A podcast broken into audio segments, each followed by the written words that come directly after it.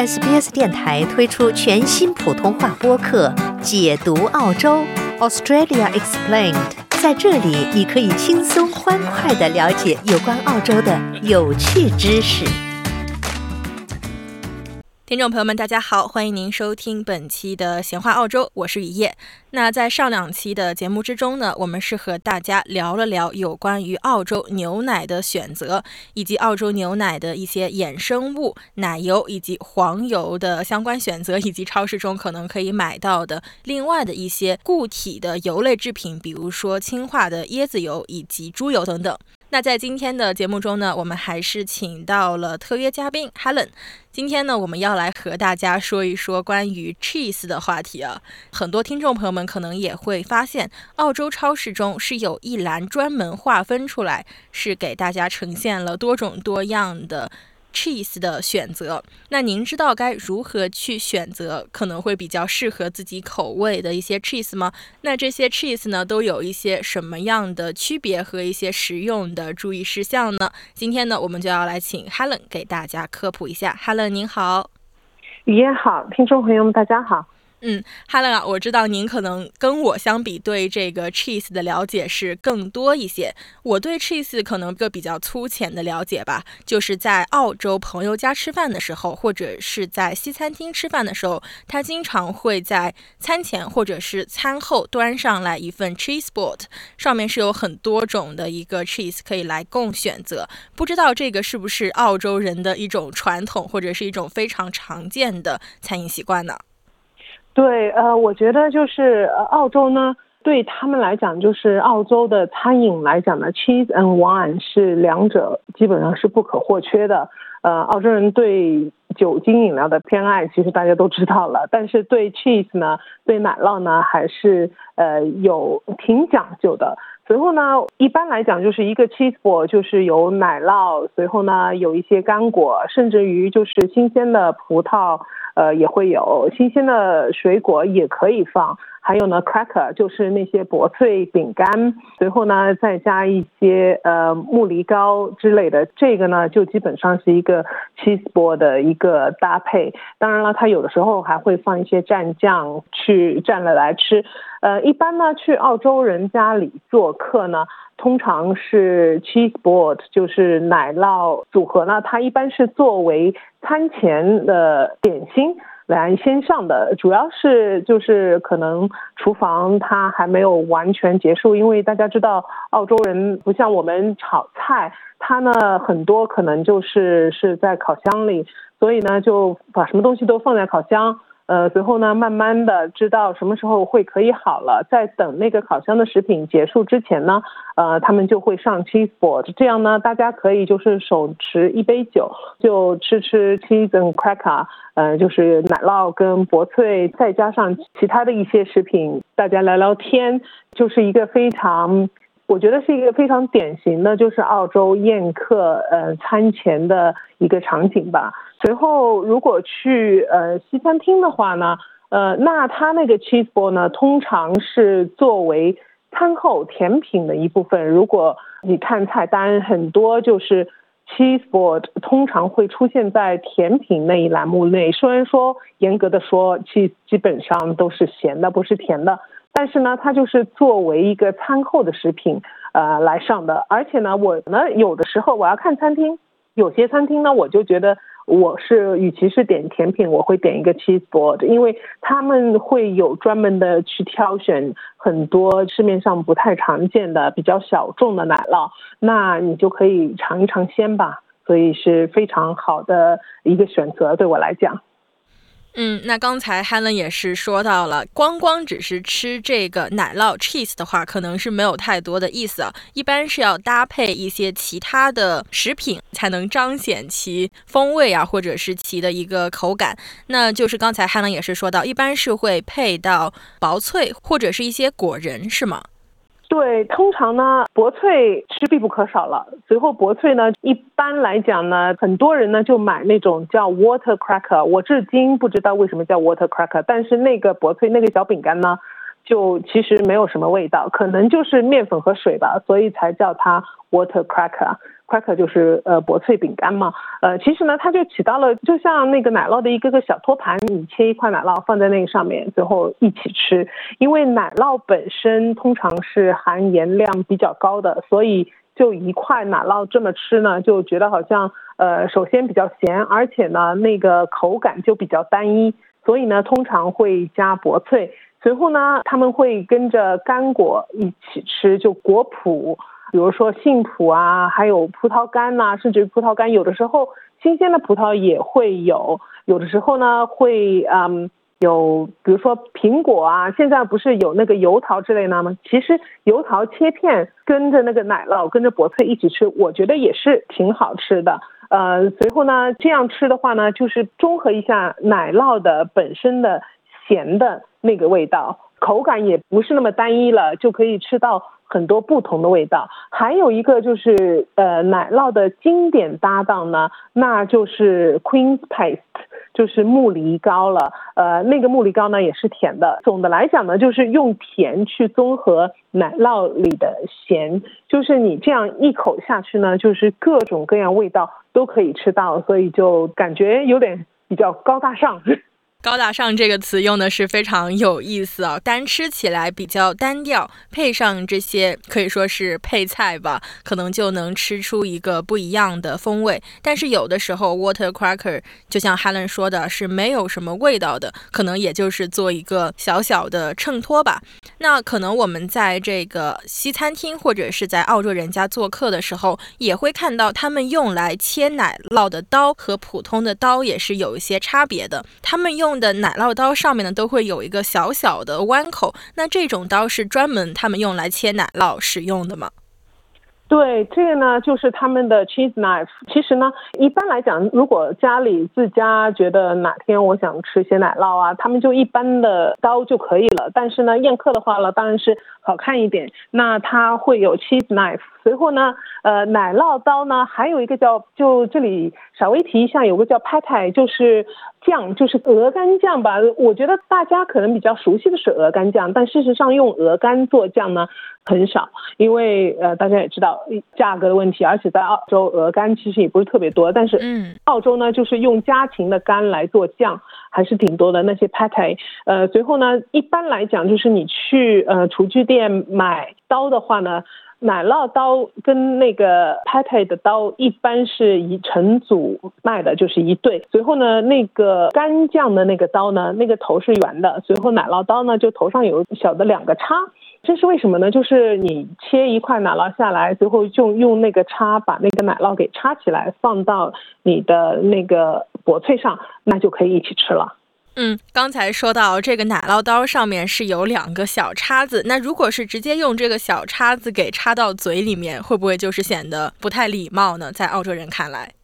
对，因为它这个是一个公用的一把刀，所以呢就不太呃适合就直接去这么吃。是小叉子把奶酪叉起来放在那个薄脆上面。还有呢，就是不是所有的澳洲人都这样，但的确有一些澳洲人他有个迷信，就是刀是不能往嘴里送的，因为这是一个不吉利的情况。嗯，澳洲人竟然还是有这一种的迷信，也是蛮有意思的一个说法呀。对他们一般很少有迷信，但是刀，所以一就是觉得是没有什么教养，另外呢就是迷信，觉得不吉利，所以他们即便是用餐的时候用的刀，他们也不会去舔那个刀，也不会把那个刀往嘴里送。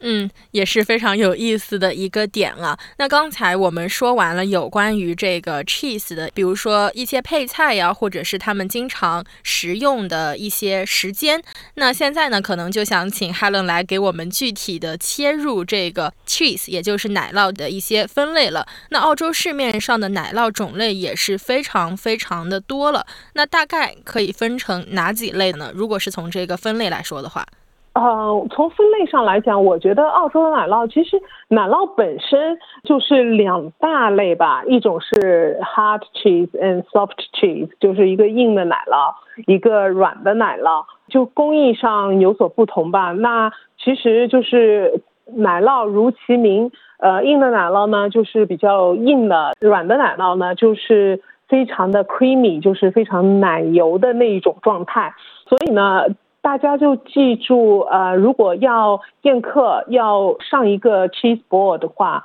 那么一定记住把那个奶酪呢，在宴客之前大概一个小时、两个小时就拿出来，因为奶酪是一定要回到室温以后才会更加美味的，尤其是软奶酪，如果软奶酪不回室温的话。它就没有那种软软的、非常奶油的这种口感，那就等于是有点暴殄天物的样子了。对我来讲，就有点暴殄天物的意思了，就是没有办法感受到这个软奶酪它的绝妙之处。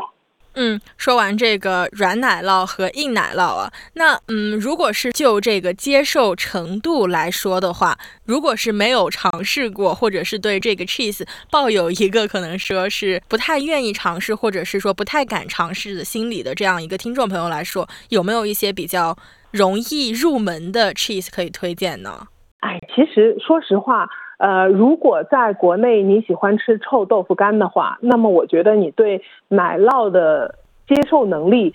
本来就是在那儿的，先 天是就是有的。因为我记得那个时候，就是我们中国人喜欢说，哎，奶酪就是那个臭臭的。呃，外国人呢就看到臭豆腐就皱眉，哎，觉得怎么会吃这么臭的东西？但是呃，我觉得就是呃，外国的蓝奶酪就是 blue cheese，还有那个 parmesan cheese 帕马森奶酪，其实就是跟那个中国的臭豆腐有异曲同工之妙。所以呢，我经常就是跟这边的朋友说。我说你不要看着我们的臭豆腐，你就觉得啊好可怕。其实跟你们这儿的蓝奶酪啊，跟那个帕玛森奶酪啊没有什么区别。但是如果你本来不是一个口味很重的人呢，如果是硬奶酪呢，我觉得最最保险的就是切达了。在澳洲呢，其实就切达奶酪是一个非常普遍的奶酪，因为它工艺比较简单，而且呢保质期非常的长。因为通常来讲，硬奶酪的保质期呢要软奶酪要长很多。而且呢，就是它的味道呢就比较温和，所以呢特别适合入门去吃那个切的。随后呢，在澳洲大家可能会看到，就超市有很多叫 tasty cheese，就是美味奶酪。其实呢，它就是切的。呃，如果是软奶酪呢，其实从口感跟口味上来讲，我个人认为软奶酪的口味比硬奶酪要温和，就是尤其是像 brie、camembert。这两种软奶酪呢，它们的口感就特别的柔和，而且呢，它有那种呃软软的、非常奶油的那种感觉，所以我觉得这两个也是两种就是非常适合入门的奶酪。呃，随后呢。如果觉得自己口味不是那么重，而且对那个臭臭的味道不喜欢，如果你在国内都不喜欢臭豆腐的话呢，那千万不要一上来就去吃蓝纹奶酪，就是 blue cheese 或者呢叫 blue vine cheese，嗯，因为那个奶酪呢就是它的味道太重了。还有就是要提一下，其实蓝纹奶酪呢，它是硬奶酪跟软奶酪都有，它。不只是局限于好像只有软奶酪才有，硬奶酪才有，两种奶酪呢都有，因为它那个蓝纹呢就是青霉素 penicillin 就盘尼西林，它是用这个来培养的一种菌，所以呢它的味道特别重。帕马森呢，其实我觉得大家对帕马森虽然说有点臭臭的，但是这种臭味还是比较温和的。我觉得大家还是可以接受的。最后呢，还要说一句，就是孕妇一定要当心，孕妇不能吃软奶酪，因为由于工艺的原因，所以呢，软奶酪的消毒有的时候不够彻底，呃，所以呢，它可能会含李斯特菌，对孕妇来讲是非常危险的，可能会引起流产。所以，呃，一旦知道怀孕或准备要怀孕的时候呢，就不要吃软奶酪，硬奶酪可以。还有呢，不要吃生蚝，因为我记得我那个时候刚刚怀孕的时候去看那个医生，但是没有计划，所以呢就没有注意，就去看了医生。医生说啊，不要吃生蚝，不要吃软奶酪。我说哦，我刚刚吃了一打生蚝，这个怎么办？他说啊，这份吃了都吃了，以后不能吃就行了。所以结果后来也是平安无事。但是呢，就是为了宝宝的健康，那还是记住不要碰软奶酪。嗯，刚才 Helen 介绍的这些奶酪都是用牛奶制作的吗？对，大多数的澳洲的大多数奶酪呢是用牛奶来制作的，但是呢有一部分是羊奶的奶酪，呃，尤其是 Feta 这种奶酪呢，其实传统上来讲呢就是用羊奶来制作的。但是我觉得大家可以去试一试，因为羊奶奶酪呢通常是那种软软的、非常 creamy 的。呃那种口感。但是呃羊奶的奶酪大家都知道，就是羊肉吧，不是所有的人都能够接受，因为很多人就觉得它有那股羊膻味特别重。羊奶奶酪也是这样，不是所有的羊奶奶酪呢都是那个味道温和的，有些羊奶的奶酪其实它的膻味是很严重的。当然了，能够吃的人是觉得没有什么问题，不能吃的呢可能会觉得，哎，这个味道太重了。嗯，看来就是还是因人而异吧。如果是比较喜欢吃羊肉，或者是本来就非常喜欢羊奶奶酪那个味道的话，可能就是甘之如饴了。但是如果本来对这种味道就会比较敏感一些的话，可能还是啊推荐去尝试比较入门级别的一些奶酪了。那刚才 Helen 介绍的这些奶酪，是不是都是可以空口去食用的呢？需不需要经过一个再烹饪的过程呢？呃，其实都可以。其实所有的奶酪都是可以呃直接空口去吃的。当然了，如果要得到最好的口感，是要拿出来回室温，起码回个一个小时到两个小时左右，让它回室温之后再吃。但是呢，一般来讲是不用再去烹饪了。但是呢，西餐其实烹饪的时候用奶酪的情况也很多。刚才说的那个 tasty cheese 就是美味奶酪，也就是切达。烹饪的时候可能用它的情况最多了吧？不然的话呢，就是 mozzarella 马苏里拉，那个是在意大利菜中烹饪的时候用那个马苏里拉也是特别多。另外一个奶酪是专做烹饪的话呢，就是 cream cheese，就是奶油奶酪。奶油奶酪呢，做奶酪蛋糕必不可少的。那就是 cream cheese 了。通常呢，在澳洲呢，因为 Philadelphia 这一个奶酪呢，它太有名了，这个 Philadelphia 这个牌子就费城奶酪，所以呢，一般说到那个奶油奶酪，大家都说 Philly，就是它的那个昵称，因为 Philadelphia 太长了嘛，所以澳洲人喜欢缩略语，所以呢，就是呃问他 cheese 蛋糕用什么奶酪，他们就会说啊，用 Philly。也是非常有意思啊！澳洲人这个用简称来代表一些事物的说法，真的是非常非常的普遍，在生活中也是有很多的例子 就可以证明这一点了。那刚才呢，我们也是向大家说了很多奶酪的一些介绍，那有没有一些奶酪是特别去适合小朋友吃的呢？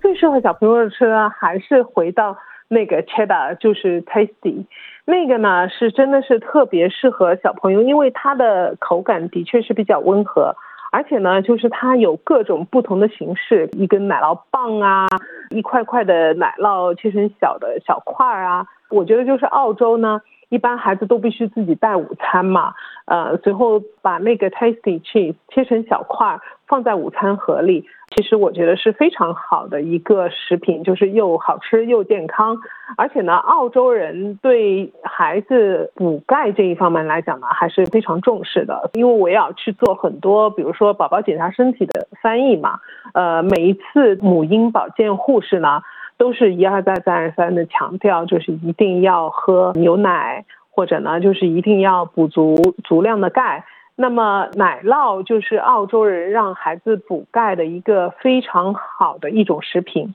所以呢，我觉得孩子的话可以让他们试试那个 tasty cheese，便宜大碗，随后他们可能就对奶酪有了一种初步的认识，随后随着他们慢慢长大，他们可以慢慢的去试其他不同品种的奶酪。嗯，慢慢把这个耐受给养成起来啊！现在中国国内是有一种奶酪棒，它是非常非常的火爆，然后很多家长也是抱怨说，这个奶酪棒的成本真的是太高了，但是孩子们又非常非常的喜欢吃，不知道澳洲这边是不是也有类似的产品呢？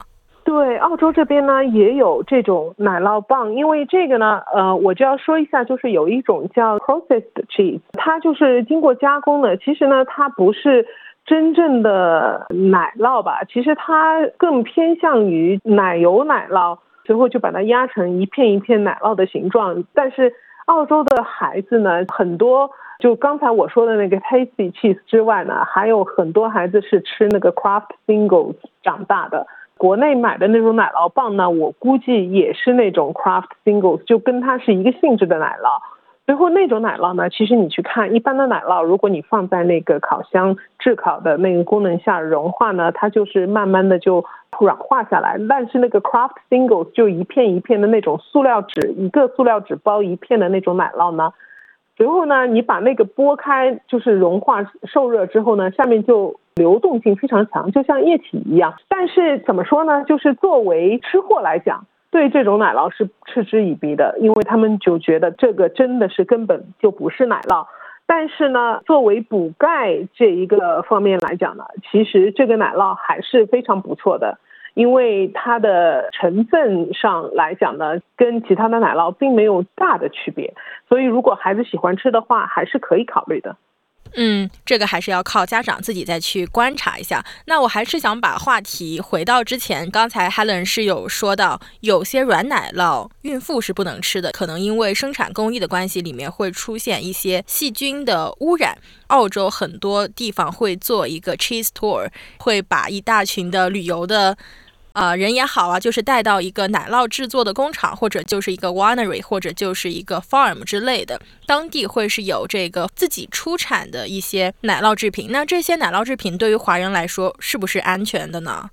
奶酪本身呢，我觉得还是挺安全的，因为它之所以说软奶酪不适合孕妇吃呢，也并不是说就是它容易出问题。但是可能就是那个细菌的指标吧，对常人来讲没有问题，但是对孕妇来讲可能会造成流产啊，就可能会出问题，所以呢，他才从安全起见不建议孕妇去吃。但是呢，奶酪本身我觉得还是挺安全的。嗯，那是不是奶酪也会像牛奶一样，就是对乳糖这个耐受度比较低的人吃出来肠胃会有一些不适的情况呢？啊，很奇怪的是，我有乳糖不耐的朋友，嗯，但是呢，他们就觉得奶酪他们可以适量的吃，就是他们一喝牛奶，他们有的时候就会觉得特别的不舒服，因为我有就是一喝牛奶就得上厕所，或者就是吃的东西里面放了一点牛奶，他都能够感觉得到，就是吃完之后他就得去厕所，但是他们的对奶酪的耐受就。更加高一点，这个呢，因为我不是做这一行的，也没有研究，但是也有可能，我在想，可能是奶酪的工艺，呃，加工的问题，我不知道那个加工造成了一个对乳糖是什么影响，但是我发现我身边一些乳糖不耐，就是对牛奶反应特别强烈的朋友，反而对奶酪的耐受力要好很多很多。嗯，如果是对这个现象有兴趣的听众朋友们，可以自己在网络上或者是其他渠道再去做一些。搜索或者是研究啊，那在这个节目的最后呢，我们知道在英文中是有很多的形容词可以用来去形容这个奶酪的一个味道的，可能最常见的就是 creamy，然后 nutty 这些。Helen 可不可以给听众朋友们就是科普或者是简单的介绍一下这些常常用来去描述这个奶酪口味的一些形容词呢？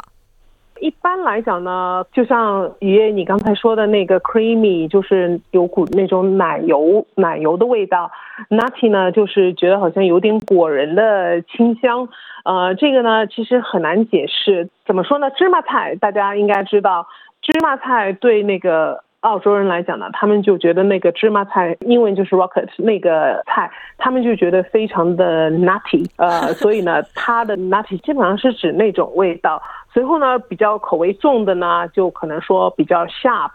就是尖的，那就是比较重的，力量比较重的，对吧下。还有呢，口味鲜明的，那就是口味比较重的。还有呢，就是他通常会说，哦，this cheese has a bit of bite。bite 呢是咬一口的意思。真的要去解释呢，就是这个奶酪口味真的有点重，好像那个奶酪在咬你。因为那个奶酪口味就比较重一点，还有呢，有一个就是软奶酪。刚才我说要回到室温嘛，软奶酪尤其是需要呃回温，不然的话就不好吃。因为回温之后呢，软奶酪它就有它那种特别的质感。呃，澳洲人呢就说它是 gooey，呃，gooey 呢就是那种软绵黏腻，按一下就是渗出来的这一种感觉。最后，如果是真的真的非常臭呢，那就是 pungent，pungent 就是一股刺鼻的味道。通常呢，就是形容非常 unpleasant，就是不好的味道。呃，如果是香味特别浓，千万不要说哦